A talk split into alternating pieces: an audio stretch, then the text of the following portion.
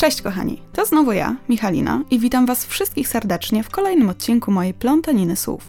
Dzisiaj zajmiemy się pewną książką, którą miałam ostatnio okazję przeczytać, a która jest tak naprawdę już od pewnego czasu klasykiem. Tak więc dziś porozmawiamy o Szklanym Kloszu autorstwa Sylwii Plath.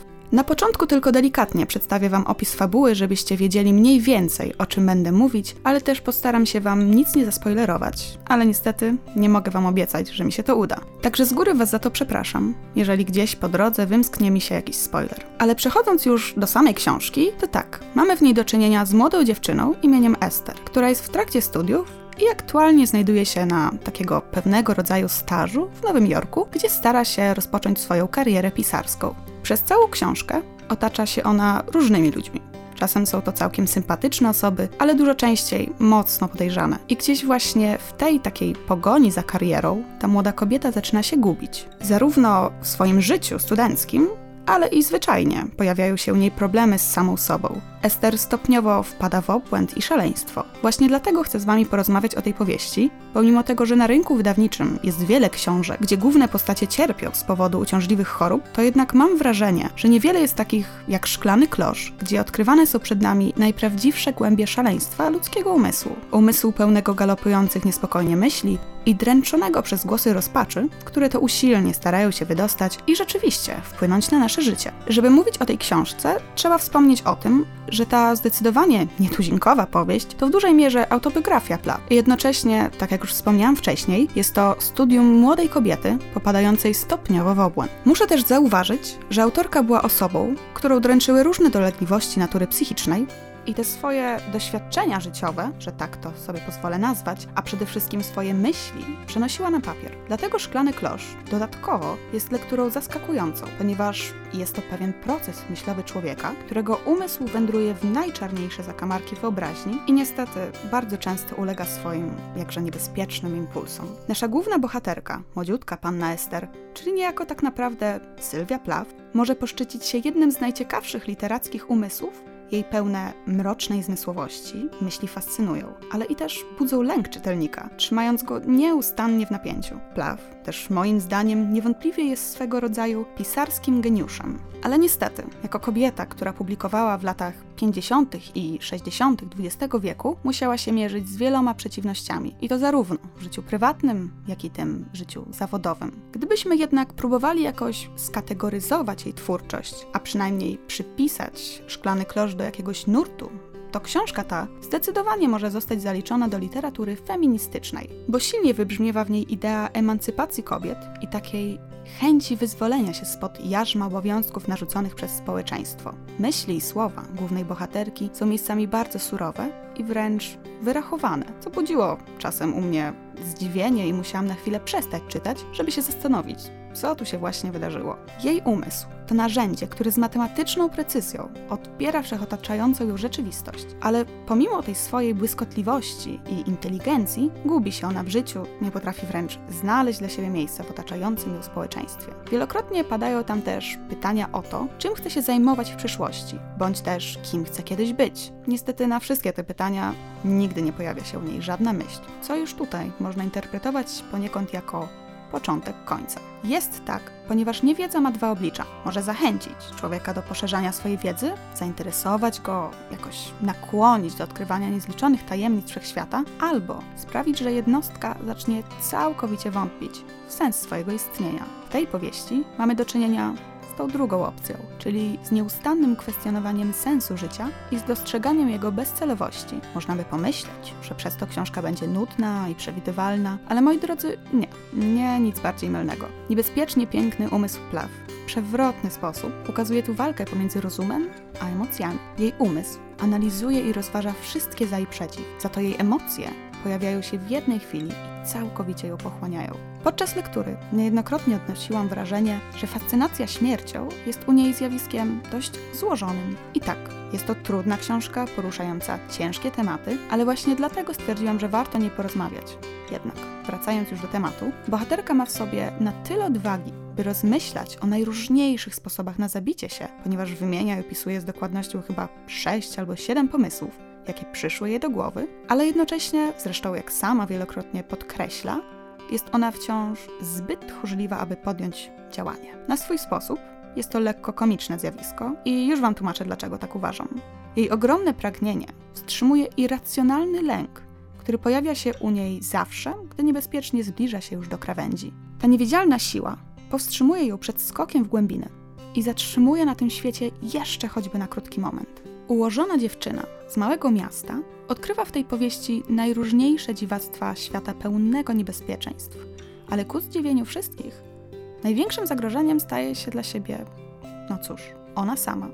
Bardzo niepewna swoich myśli, niekonsekwentna w swoich poczynaniach. Jest to niestety kobieta, z którą trudno wytworzyć jakąś więź emocjonalną na płaszczyźnie czytelnik, bohater, a jej brawurowe słowa i czyny tylko to potęgują. Ester też nie żywi do nikogo głębszych uczuć. Wręcz można by powiedzieć, pogardza mężczyznami, nie posiada żadnej relacji z bratem. Wszystkie jej przyjaźnie to tak naprawdę wynik powierzchownych interakcji z drugim człowiekiem, które nie są dla niej w żaden sposób istotne. Jedynie relacja z matką i nieżyjącym ojcem budzi moje zainteresowanie, ponieważ Plaw wprost opisuje, że dzieciństwo było jej najszczęśliwszym okresem w życiu, a od czasu jego zakończenia nigdy już nie doświadczyła radości. Wszystkie jej miłe wspomnienia powiązane są właśnie z ojcem, który zmarł, gdy miała ona bodajże 9 lat. Z kolei matka, choć kocha swoją córkę i oczywiście troszczy się o nią, to wielokrotnie daje też jej do zrozumienia, że sama była w życiu nieszczęśliwa, a małżeństwo było jej największym błędem. Sposób, w jaki matka opowiada o ojcu, jako o człowieku, który był przyczyną jej nieszczęścia, niszczy te radosne wspomnienia Ester, która w ojcu widziała wręcz ideał. I bazując na tej wiedzy, można by wywnioskować, że podłoże choroby umysłowej Ester to nic innego jak strata ojca, czyli osoby, której nikt nie był dziewczynie w stanie zastąpić. I tak, myślę, że jest to ważne w procesie rozwoju jej stanu, ale uważam też, że na jej chorobę złożyło się dużo więcej rzeczy i ciężko tak określić jeden moment, gdzie oszalała. Ale śmierć ojca na pewno mogła zapoczątkować jej problemy. Wiele można by mówić o aspekcie psychologicznym tej powieści, zwłaszcza, że jak wspomniałam na początku, jest to książka autobiograficzna. Ale uważam, że skoro już przyjęłam, że Plaw to Ester, a Ester to Plaw i wiemy, że obie kobiety w swoim obłędzie kryją geniusz, to powinniśmy zwrócić też większą uwagę na warsztat pisarski autorki.